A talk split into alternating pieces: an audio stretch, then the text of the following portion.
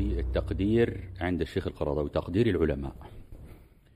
الشيخ القرضاوي يعني أعجبني هذا فيه من قبل أن أعرفه وأنا أعرف الشيخ القرضاوي من منذ ربع قرن معرفة. احكي لنا كيف تعرفت عليه؟ متى يعني؟ في أي لا هذه قصة طويلة يعني إذا إذا دخلنا فيها نأخذ محور وحدها نحكيها إن شاء الله. لكن نخلص من هذا مسألة التقدير. أعجبني أن أرى عالما يتحدث عن العلماء السابقين رغم أنه يختلف مع بعض اجتهاداتهم لكن لا يذكر عالما إلا ويقول العلامة الإمام المحقق المجدد ألفاظ ألفاظ فخمة يضفيها على العلماء ويصفهم بها. وحتى في اختلافه مع الأستاذ سيد قطب رحمه الله يعني قدم بمقدمة هائلة فيها تقدير كبير وواسع وعالي وبعد ذلك لا مانع من الاختلاف. أيضا حتى مع علماء حتى السعودية. حتى مع علماء السعودية. يعني أنا, أنا جاي بتكلم معايا عن جاي لك في الكلام. بن باز وابن لما الشيخ لما الشيخ لما الشيخ كل التقدير والاحترام. لما الشيخ ابن باز أرسل له قال له يا شيخ يوسف نحن نجلك ونحترمك ونريدك أن تعدل بعض المسائل في كتاب الحلال والحرام حتى يسمح بنشره في المملكة العربية السعودية. فأرسل له رسالة كلها أدب كلها نداوة وحلاوة وطلاوة وعلم في الوقت نفسه. قال إنه لو جاز لأحد أن يترك رأيه لأحد لتركت رأيي من أجلك حبا فيك وتقديرا لك. ولكن جرت سنة العلماء من قديم أنهم يختلفون. ولم يؤثر هذا الاختلاف على العلاقة الشخصية ولا على المودة والمحبة. ولما زار الشيخ القرضاوي بعد ذلك السعودية وجد الكتاب مطبوعا بنفس الطبعة وبنفس الآراء وكان بإشراف الشيخ ابن باز عليه رحمة الله وبطلبه الشيخ القرضاوي تقدير العلماء لم يقتصر على العلماء السابقين ولا مشايخه فقط وإنما امتد هذا التقدير لتلامذته وطلابه. كان يقدر تلامذته. كان يقول لنا في لقاء التلاميذ والأصحاب لا تظنوا إن إن كلمة تلاميذ القرضاوي يعني إن هم طلبة صغار في مدرسة هؤلاء أساتذة كبار. لهم منهج ولهم جهد ولهم مؤلفات وأتباع وتلاميذ. يعني الدكتور عصام البشير هذه القيمة والقامة من تلاميذ الشيخ القرضاوي.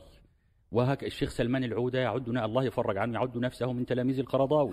فتلاميذ القرضاوي علماء قمم كبار. أذكر مرة الدكتور أشرف دوابة كتب عن الفكر الاقتصادي عند الشيخ القرضاوي. فجاء الشيخ القرضاوي في اللقاء وأنا كتبت عنه رعاية المقاصد عند القرضاوي. فقال وأنا أحيانا أتعلم من تلاميذي وأتعلم من الإخوة اللي معي في المكتب اللي شغالين معاه في المكتب يتعلم منهم ولا يستنكف من هذا. يقول كتب عني أخونا الدكتور وصفي عاشور رعاية المقاصد عند القرضاوي ولو كتبت أنا عن المقاصد عندي لما كتبت مثل ما كتب. وكتب عن عني أخونا الدكتور أشرف دوابة كتاب الفكر الاقتصادي عند القرضاوي لو أردت أن أكتب عن الاقتصاد عندي لما كتبت كما كتب الدكتور أشرف دوابة. فيعني فكرة التقدير هذه لا تصدر إلا عن النفوس المليئة الكاملة. أما النفوس الفارغة النفوس ال ال ال الناقصة فهي التي ترى في مدح الآخرين انتقاصا من نفسها. مرض نفسي هذا. صحيح مرض نفسي الإمام الشافعي أخذ عنه أحمد بن حنبل. صحيح. وذهب الشافعي من بغداد إلى مصر وأحمد خالف شيخه. ومع ذلك معروف أن يثني التلميذ على الشيخ ولكن أن يقول الشيخ في حق تلميذه قال لقد تركت بغداد وما خلفت فيها أورع ولا أعلم ولا أهدى من أحمد بن حنبل. ثم قال قالوا يزورك أحمد وتزوره. قلت المكارم لا تفارق منزله. إن زارني فبفضله أو زرته فلفضله. الله. فالفضل في الحالين له. يا سلام فهذه سنة السابقين. جميل. يعني الإمام نعم. القرضاوي في تلامذته يذكرني أيضا بالإمام أبي حنيفة في تلامذته. نعم.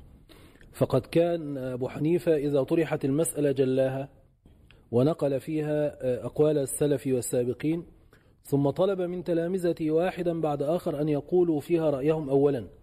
حتى يكون أبو حنيفة وآخر من يتكلم. وحتى قال محمد بن الحسن كان أبو حنيفة إذا قاس قايسناه. يعني نحن في القياس سواء. لأن القياس عملية منضبطة يعني يمكن للأقل أن يجاري فيها الأعلى. قال لكن إذا قال أستحسن لم يدركه منا أحد. إذا وصلنا إلى ال- ال- ال- المسائل الاجتهادية الخالصة دقيقة. التي تحتاج إلى روح الفقه وإلى ملكة الفقيه. كان أبو حنيفة نسيجا وحده يقول أذكر أننا كنا مع أبي حنيفة أنا وأبو يوسف. ومحمد بن الحسن رحمه الله كان سمينا طويلا. وأبو يوسف كان نحيفا طويلا. وكان أبو حنيفة نحيفا قصيرا. قال وأذكر أني كنت أبو يوسف وأبو حنيفة يمشي بيننا. فقلت يا إمام ألا ترى أنك بيننا كالنون في لنا؟ يعني أنت قصير تمشي بين طويلين يعني. كنوني في لنا. أيوة. كلمة لنا يعني. قال فقال الإمام وأنت يا محمد ألا ترى أنكما بدوني لا؟ لا أخرج النون من لنا لا والشيخ رحمه الله كان فيه جميل. هذه الروح الودودة حتى إلى تلامذته وهذا التبسط. وكان فيه حسن الدعابة أيضا آه، وربما شيخنا الشيخ عصام آه، شهد منه على ذلك أكثر منا. لكن أنا ما, ما يعني أحب أن أذكره هنا أنني ما حضرت مجلسا فيه الشيخ لا أذكر مجلسا واحدا لم يبكي فيه ولم تسبقه دموعه. فقد كان الرجل رقيق النفس على نحو لم أره في أحد ممن عاصرتهم. لا قبل قبل النقاط النفسية في قضية التلاميذ لأن أيوة. إحنا نريد أن نفرد للقضايا النفسية هذه آه، كلام خاص. آه، التلمذة على فكر الشيخ والقرب منه نعمة من نعم الله تبارك وتعالى. ووفاء الشيخ لشيوخه هذا موجود. عجيب صحيح. وعجيب وكبير وكل الكبار على هذا النحو. لكن اهتمام الشيخ بتلاميذه ده الشيء الملفت جدا. صحيح. إذا جلس في المجلس يتفقد. فين؟ وكلمة الأخ فلان الأخ فلان. واللي بيقولوا عليهم أخ فلان ده نذكر في مكتب الشيخ فضيلة الشيخ آه، سليمان السكرومي هذا من جيلنا. ابنه في المكتب مع الشيخ عبد الله. عبد الله شاب أزهري من الجيل الذي بعدنا. يبقى الاثنين الشيخ والابن عبد الله الشيخ أزهري أيضا. لا يقول إلا إيه الأخ عبد الله فين؟ الأخ عبد الله ده هو يعتبر من أصغر الأحفاد. والشيخ عبد الله تسمع الشيخ عبد الله والاخ عبد الله؟ يا سلام. وكيف يكبر بتلاميذه ثم أكرر دائما وأقول إذا أردت أن تعرف قيمة الإمام من أقصى طريق فانظر إلى أثره في التلاميذ. لو أردت أن أعرف بشيخ الإسلام ابن تيمية وأقول له هذا تلميذه ابن القيم خلاص هل هذا بعد التعريف في شيء آخر؟ تلميذه ليس ابن- القيم وحده ابن نعم. القيم لا، وابن. كثير وآخرون. نعم وهذه الثلة ال- ال- المباركة. نحن وهذا أحتاج له كثيرا في الذب عن الإمام محمد عبده وعن التعريف به. أقول له هذا شيخ محمد رشيد رضا ورشيد رضا الشيخ حسن البنا. تنتهي المسألة. صحيح. يعني وفاء الإمام الشيخ محمد رشيد رضا لشيخه محمد عبده ما أظن أنه في العصور الحديثة فعل تلميذ بشيخه ما فعله رشيد رضا بالإمام محمد عبده رحمه الله. كفاية تاريخ الأستاذ الإمام. نعم. ثلاث أجزاء كبرى. نعم. أنا لما أطبق هذا وكتبت في مقال في الجزيرة نشر الأسبوع الماضي. أنظر إلى تلاميذ القرضاوي وهم أجيال بالمناسبة. وأنظر إلى الجيل الأول. فلما نتكلم عن سلمان العودة سلمان العودة كان لا يقول مثلنا قال فضيلة الشيخ أو العلامة وإنما يقول فضيلة الوالد رحمه حفظه الله. الوالد. ما سمعت الشيخ سلمان والتقينا كثيرا في مجلس مولانا الإمام القرضاوي. يقول الوالد ثم الحفاوة التي يبديها بخالد مشعل. كنت أراها. وكأنه يفاخر ويقول خالد ابني خالد تلميذي. فكنت أرى فيه زهو وفخر بال الشيخ عصام البشير. ويقول فين الشيخ عصام؟ هذه تسمعها كثيرا إذا جلس. واهتمامه بالشيخ عبد السلام بسيوني. إحنا بنقول على تلاميذ القرضاوي الشيخ عبد السلام بسيوني له 160 مؤلف. ده تلميذ القرضاوي له 160 مؤلف. وهذه المؤلفات ليست في الشريعة فقط ده بعضها في الخطوط بعضها في الفنون بعضها في الكاريكاتير. وهو لا يفخر بشيء أكثر من فخره بتل... أنه تلميذ القرضاوي. ثم حتى داخل المكتب تجد في تلاميذ القرضاوي ومن يعملون معه في المكتب من له نزعة سلفية. وهذا كلام الشيخ من له نزعة سلفية. وله من له مسحة صوفية ومن هو إخوان تنظيميا ومن هو خارج التنظيم. في المجموعة المحيطة بالشيخ وكذلك هذا في كل التلاميذ. لذا مولانا الإمام كان إمام أمة ولم يكن إمام بلد أو منطقة معينة. يعني أنا هذه ذكرتني أن هذا الحديث أنه الشيخ كان يمتلك روح الاستيعاب. طبعا في العصر الحديث كانت في مدارس أخذت من بعضها مواقف حادة.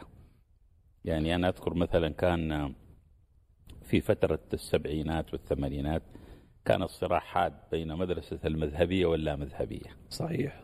آه، بين آه، مثلا شيخنا الشيخ عبد الفتاح أبو غدة رحمة الله عليه من جهة والشيخ محمد ناصر الدين ألباني من جهة. والشيخ كان على صلة وثيقة بالشيخ عبد الفتاح وطلب منه أن يجيزه بشهادته في علم الحديث و... وانتفع من الشيخ ناصر الدين الألباني الذي خرج له أحاديث الحلال والحرام صحيح. وأحاديث الفقر و... فهو كان ينتفع و... ويشكل جسر العبور بين هذه المدارس المتباعدة والتي كان بعضها يحمل على بعض حملا عنيفا. نعم. مدرسة السلفية والمدرسة الصوفية. كان يرى أن قليلا من مزج من تسلف الصوفية وسلفية تصوف التصوف. حتى قال هذا الكلام حينما كنا مرة في سوريا وكان معهد كفتارو مع رابطة الشباب رابطة العالم الإسلامي أقامت آه، ندوة. فقلت له نحن ضعنا بين السلفية الناطحة والصوفية الشاطحة. نحتاج إلى وسطية ساطعة أنا مش عارف الشيخ عصام كيف ينحت هذه المصطلحات ما شاء الله عليه. فبين النطح والشطح نحتاج إلى وسط سطع. الشطح في لغة المغاربة الرقص. فهو دائما يحاول أن ي- يؤكد على الاستيعاب أن في كل آه، جماعة هنالك من الخير والهدي وفي كل مذهب هنالك من الحق والصواب والداعي الحق هو الذي يحرص على أن يجتني هذا الغرس المبارك وهذه الثمار الشهية من هنا ومن هنا ومن هنا ومن هنا ومن هنا ويشكل هذا الجسر من العبور قدرا من التناغم والتآلف والانسجام بين المدارس كلها. ولذلك كان ينتفع بالتراث السلفي بأفضل مما خلف من من فكر وعلم ومن التراث الصوفي من تحقيق وتراث ويتجنب ما ال- الشذوذ من الآراء والأفكار والمناهج هنا وهنا وهنا وهناك. هذه الروح الاستيعابية مطلوب يعني ليس المقصود في هذا المقام أن نكون مقلدين للشيخ القرضاوي بقدر ما أن نكون متبعين لمنهجه. وهذا الاتباع للمنهج هو أن, أن, أن نشكل أيضا أن يشكل هذا الجيل من تلاميذه ومن محبيه أن يشكلوا إضافة لهذه المسيرة. لا يقفوا عند حد ترديد ما قاله الشيخ القرضاوي. برضو القرضاوي رحمه الله جاء في زمان وعبر عن كل المسار المطلوب في هذا الزمان. ثم التحديات جاءت الآن والجيل جاء الآن له أسئلته وله قضاياه. وله مشكلاته. والأمة تمر والأم كذلك تمر. بمنعطفات جديدة. فنأخذ من ذات المنهج. وإن اتسعت الجزئيات وتخالف الاجتهادات كلها لنعبر بها عن مقتضى المرحلة. فالشيخ لم يكن يريد أتباعا مقلدين وإنما أتباعا ينحون منح التجديد والإضافة والكسب. وهنا أذكر كلمة جميلة لابن مالك في أول كتاب التسهيل في النحو. هذا مما ذكرنا به شيخنا الشيخ يوسف الشيخ عبد الفتاح أبو ود عليه رحمة الله. الله. قال كلمة تكتب بماء الذهب وإذا كانت العلوم منحا إلهية ومواهب اختصاصية. فغير مستبعد أن يدخر لبعض المتأخرين ما عسر على كثير من المتقدمين. يا سلام. نعوذ بالله من حسد يسد باب الإنصاف ويصد عن جميل الأوصاف. يا سلام. أعتقد هذا معنى مهم. حرص الشيخ أن يستفيد من تراث الأقدمين ولكن أن يقدم إبداعه وكسبه وتجديده وإضافته. ونحن بذات المنهج علينا أن نقدم إبداعنا وكسبنا وإضافتنا لهذه المرحلة الحرجة من تاريخ أمتنا حتى يصبح هذا الجهد جهد تراكمي يبني اللاحق على جهد السابق ويقدم إبداعه وإضافته. ده اللي عمله الشيخ القرضاوي نفسه آه، في نوعين من الاجتهاد. كان دائما يذكرهما وهذان النوعان موجودان في كتاب الاجتهاد في الشريعة الإسلامية. كان يقول الاجتهاد نوعان اجتهاد انتقائي واجتهاد إنشائي. نعم. آه، الاجتهاد الانتقائي هو الذي ينتقي من تراث الأمة ومن اجتهاداتها عبر القرون ما ينتفع به المسلمون في واقعهم. وهذا الانتقاء له ضوابط وليس كل أحد يستطيع أن ينتقي لأن الانتقاء فيه إشكاليات. الفتاوى هذه لها تاريخ لها سياقات لها ملابسات لها ظروف مكانية وزمنية قيلت فيها فكيف نطلع على هذا كله؟ هذا الأمر الانتقاء ليس سهلا. يعني مش مجرد إن الواحد يجيب فتوى لابن تيمية في ظروف لها ظروف وسياقات ويريد أن يعني يجلبها ويعتسفها في الواقع المعاصر. لا فالانتقاء له له أيضا ضوابط وله مؤهلات. والإنشاء والذي ينشئ فتوى في مسألة من النوازل والمستجدات وهذه يليق لها ال- ال- الناس التي تحققت بشروط الاجتهاد وضوابطه. فالذي كان يشغل هم القرضاوي هو واقع الأمة سواء في الاجتهاد الانتقائي أو في الاجتهاد الإنشائي. انشغال القرضاوي بالواقع ده منهج عند القرضاوي ومنهج عند كل العلماء على مر التاريخ. العلماء الربانيون دائما كانوا منشغلين بواقع الأمة. يتعرفون إلى الواقع وما فيه من- مشكلات وقضايا وينطلقون منه إلى سنة وسناء. ال- الوحي الشريف يستهدون هذا الوحي لهذا الواقع حتى لا ينفلت الواقع بعيدا عن مظلة الشرع لأنه من مقاصد الشريعة الإسلامية أن يبسط الشرع الشريف سلطانه على الواقع فلا يند الواقع عن سلطان الشرع. لأن ذكرتما دكتور محمد دكتور وصفي ذكرتما سلمان العودة. نعم. وأنا لاحظت علاقة خاصة بين الشيخ القرضاوي. وسلمان العودة طبعاً. الله يفك أسره. ويفرج كربه آمين يا رب. آه، إخواننا في قناة الحوار آه، هنا في آه، آه، أو الزملاء الذين يعملون مع قناة الحوار هنا في إسطنبول صدفوا الشيخ القرضاوي قبل ستة أعوام كان موجودا هنا فأرادوا أن يجروا معه لقاء الشيخ كان مرهقا أو متعبا فأراد أن يعتذر منهم مع مرور سلمان العودة فتوسطوا الشيخ سلمان. شوف لنا الشيخ بلكي وافق صرنا جايبين الكاميرا و... مع إني أنا طبعا كنت مسجل معه المراجعات. فذهب إليه الشيخ سلمان وقال له يا شيخ ماذا لو أنا أجريت معك الحوار؟ فاستجاب له. استجاب طبعا. خرجنا بحلقة نادرة. روعة روعة كان من أروع الحلقات. سلمان العودة يحاور القرضاوي. يحاور الشيخ القرضاوي. نعم. سبحان الله جميلة جدا كانت يعني من الملامح العجيبة اللي الإخوة أشاروا إليها أنني ما وجدت الشيخ ذكر أمامه أحد من العلماء المعاصرين أو السابقين إلا واستدعى أفضل ما كان في شخصيته وأجمل ما كان في أوصافه. وما رأيت أبدا في مجالس الخاصة ينتقد أحدا ولا يعيب أحدا ولا يثير مواضع الخلاف بينه وبينه. وهذا موجود حتى في كتبه. يعني مثلا في مقدمة كتابه الخصائص العامة للإسلام يشير في المقدمة إلى أن هذا الكتاب واستوحى فكرته من شهيد الإسلام كما يسميه من شهيد الإسلام سيد قطب في كتابه خصائص التصور الإسلامي. وأنه آه، هذا الكتاب ليس إلا استكمالا أو امتدادا لكتاب الشيخ سيد رحمه الله. وما ذكر الشيخ ابن باز مثلا على سبيل المثال وسبيل الحصر كمان إلا وفاضت عين الشيخ القرضاوي. أنا شهدت هذا معه شخصيا وأنا آخر الإخوة العلماء اتصالا بالشيخ. آه، شهدت هذا الموقف معه ثلاث مرات. يذكر الشيخ ابن باز فيتوقف ويدعو له ويذكر من محاسنه وفي بعض هذه المرات يبكي وهو يذكره وكان هذا منهجه مع كل العلماء وكذا. الأمر الآخر أنه كان كما كنت أريد أن أقول قبل قليل حاضر الدمع بشكل عجيب. ما رأيته في أحد. ما رأيت هذا المستوى من رقة القلب. على فكرة في المراجعات بكى في عدة مواقع.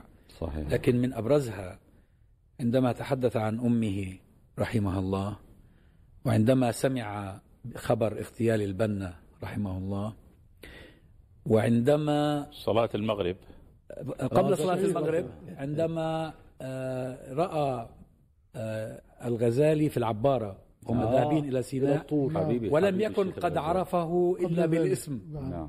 فقال لهم من هذا الذي يخطب بالناس؟ قالوا له محمد الغزالي. قال هذا محمد الغزالي. حبيب الشيخ الغزالي. حبيبي شيخ الغزالي. كان يقرأ مقالاته كان ولم يقرأ, يقابله له. ولا يعرفه. ثم صلاة المغرب في السجن الحربي. أنا مرة من المرات في ختام لقاء معه آه، قلت له يا مولانا أسأل الله عز وجل أن يمد في عمرك وأن يكتب لك القبول وكذا وكذا. فقال "و- وما أفعل بطول العمر؟ أنا لا أريد أن تدعو لي بطول العمر. أنا أريد أن تدعو لي بالبركة والعافية. يا سلام. أريد البركة لأن عندي كثيرا لم أنجزه بعد وأخشى أن يتقاصر العمر عن هذه الأعمال وهذه المشاريع. وبالتوفيق بالقبول عند الله سبحانه وتعالى لأنه ما ينفع القرضاوي إذا طال عمره وكثرت أعماله ولم يقبل ثم بكى. والله أنا كثيرا ما كنت أتصل به خاصة في الأيام الذي التي أقعده فيها المرض. وأبدأ له بعد التحية أقول له متى يا كرام القوم؟ عيني تراكم. أيوة. وأسمع من تلك الديار نداكم. أمر على أبياتكم دون حاجة لعلي أراكم أو أرى من يراكم. فما ما عاد أسمع شيئا من كثرة بكائه ونحيبه. سبحان الله حتى أغلق السماعة. في أمر مهم في تفضل به الاخوه الكرام اللي هو اتساع الشيخ للمخالف له في الاتجاه أو الفكر لدرجة أنك تظن إن هم شيء واحد. يعني كلنا يعرف الفرق في الفكر والمنهج بين الإمام القرضاوي والشيخ عمر عبد الرحمن. الرمز الجهادي الكبير رحمه الله. بينهم اختلاف في الرؤى وفي الفكر لكن لم يهتم عالم بقضية الشيخ عمر عبد الرحمن وبسجنه وبأولاده في قطر لما جاء منهم بعض الأولاد كما اهتم الشيخ عمر. وأوصل قضية الشيخ عمر عبد الرحمن إلى أعلى مستوى تتخيله ويتحملها ويأخذ الأوراق ويقدمها وحصل على شفاعات حتى أن قطر وافقت عبر شيوخها وأميرها أن يأتي الشيخ عمر ليعالج في قطر وتكون مقره في المستشفى كحبس علاجي. وصل الشيخ هذا لو وافقوا على إطلاق سراحه نعم. وقطر من مواقفها الكريمة أنها قبلت لأنه كان صدر من خلال رمزي كلارك كان وزير عدل سابق أنه بدأت أمريكا توافق. قالت ولكن يذهب إلى بلده. يسجن في بلده. طبعا مصر لم تقبل. قطر وافقت وقبلت. نحن إذا تحدث الدكتور عصام البشير أو الأستاذ خالد مشعل أو كبار التلاميذ في الكلام عن الشيخ القرضاوي ومناقبه قد لا يقف عند ذلك آه، كثيرون.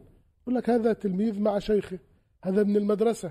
لكن أنا أحيل السامع إلى ما كتبه الأستاذ سليم عزوز والأستاذ وائل قنديل. وكلاهما صحفي يمثل مدرسة داخل الصحافة مختلفة. يعني مدرسة سليم عزوز صحفيا غير مدرسة وائل قنديل صحفيا. لكن اجتمع على حب القرضاوي وعلى تقديمه. يا سلام. وكلاهما كتب مقالا أنا سميت ما كتبه سليم عزوز المعلقة القرضاوية. كتب معلقة في ال ال ال الإمام القرضاوي. كذلك الأستاذ وائل قنديل كتب كلاما ربما نحن لا نحسن أن نعبر عنه بهذا اللسان الصحفي ال... كيف فكيف يحسب لهما هذا الإنصاف. طبعاً. يحسب لهما. أنا أريد أن أضيف شيء آخر. ال- الإمام القرضاوي والأثر الباقي. يعني كثير من العلماء ينحصرون في الدور التعليمي. يعني بيانا وتأليفا وغير ذلك. لكن الشيخ بنى الرجال وبنى المؤسسات. نعم. ونذكر هنا للحقيقة والتاريخ. أولا مشروع الاتحاد العالمي للعلماء المسلمين. الفكرة التي راودته لعقود من الزمان. ثم عام 98 وقع التوافق وتشكلت لجنة صغيرة كنت أحد أعضائها. ومن عام 98 كان الإعداد للملتقى التأسيسي الذي انعقد في لندن في عام 2004 بعد ست سنوات. هذا الاتحاد عندما العملاق دعاه عمدة لندن كان أي نعم, نعم أيضا كنت حاضرا. فهذا مشروع. مشروع المجلس الأوروبي للإفتاء والبحوث. بعد ما زار الغرب ورأى كيف تحديات التحديات التي تواجه الأقليات المسلمة. وهذا مشروع عملاق لأنه بدأ يشكل مرجعية. زمان كان الفتاوى عابرة القارات والدعاة الذين يأتون من العالم الإسلامي إلى مبتعثين إلى أوروبا وإلى الغرب وهم لا يعرفون لا اللغة ولا يعرفون شيئا من ثقافة القوم أو عاداتهم. نعم. فكان التوجه أن تخرج علماء من أبناء هذه الساحة أو ممن يعيشون فيها وهم يدركون التحديات. هذا المشروع. المشروع الثالث مشروع ملتقى الأصحاب والتلاميذ لتوريث هذا العلم. المشروع الرابع مشروع خدمة الإسلام من خلال الإنترنت. دعا له حوالي 120 في الدوحة من كبار العلماء والمفكرين من العالم الإسلامي وانبنى على هذا مؤس... إنشاء مؤسسة البلاغ الثقافية التي أخرجت إسلام أونلاين كانت كبرى المواقع الإسلامية. خامسا ادفع دولارا تنقذ مسلما. الذي انتهى بقيام الهيئة الخيرية الإسلامية العالمية. عدا يعني عضوية الشيخ لكثير من المؤسسات نعم ده كان هو كان رئيسا لمؤسسة القدس. نعم. نعم. ولكن هذه مؤسسات بادر هو بإنشائها. نعم. بادر هو بإنشائها. وأما مشاركاته في عضوية المؤسسات والمجامع الفقهية وغير ذلك ثم ساهم في حفر مجرى تأسيس الصيرفة الإسلامية على صعيد الاقتصاد الإسلامي هيئات الرقابة الشرعية التأمين الإسلامي وغير ذلك وفتح آفاقا. ثم الإسهام في تأصيل الإعلام الإسلامي وكنا نحضر معه الندوة السنوية التي كان تقيمها مؤسسة آه، إقرأ في جدة برعاية الشيخ صالح كامل عليه رحمة الله وساهم في هذا وكتب كتب عن فقه الغناء والموسيقى وعن فقه له وعن ضوابطه الشرعية في الاقتصاد الإسلامي في الإعلام الإسلامي في العمل الخيري الإسلامي الإنساني في بناء المؤسسات. هذه مؤسسات الآن أصبحت مستقرة ولها امتدادها ولها آثارها الطيبة المباركة. وعشرات عشرات المشاركة في عضوية كثير من هذه المؤسسات. فالشيخ لم يكن فقط عالما فكريا ينتج الفكر أنتج الفكر والفقه وساهم في بناء هذه المؤسسات كما ساهم في تخريج الرجال وأيضا أسهم إسهاما كبيرا في ترشيد الصحوة الإسلامية المعاصرة. صحيح. فهو ابنها ابن هذه المدرسة ولكن كتب أين الخلل؟ أين الخلل في مسار هذه الحركة الإسلامية؟ إن كان في عالم المفاهيم في عالم الأفكار في عالم الوسائل في عالم البرامج في عالم المشاريع في عالم عدم التداول القيادي في قيادة الحركات وأعتقد هذا نموذج ينبغي أن يحتذى به أن تكون من ابن المؤسسة وأنت أيضا تعمل على تقويمها وتصويبها وترشيدها وتسديد مسارها نعم. ويعني هذه هذه إضاءات الحقيقة متعددة. للمسارات التي أنجز فيها الشيخ هذا العطاء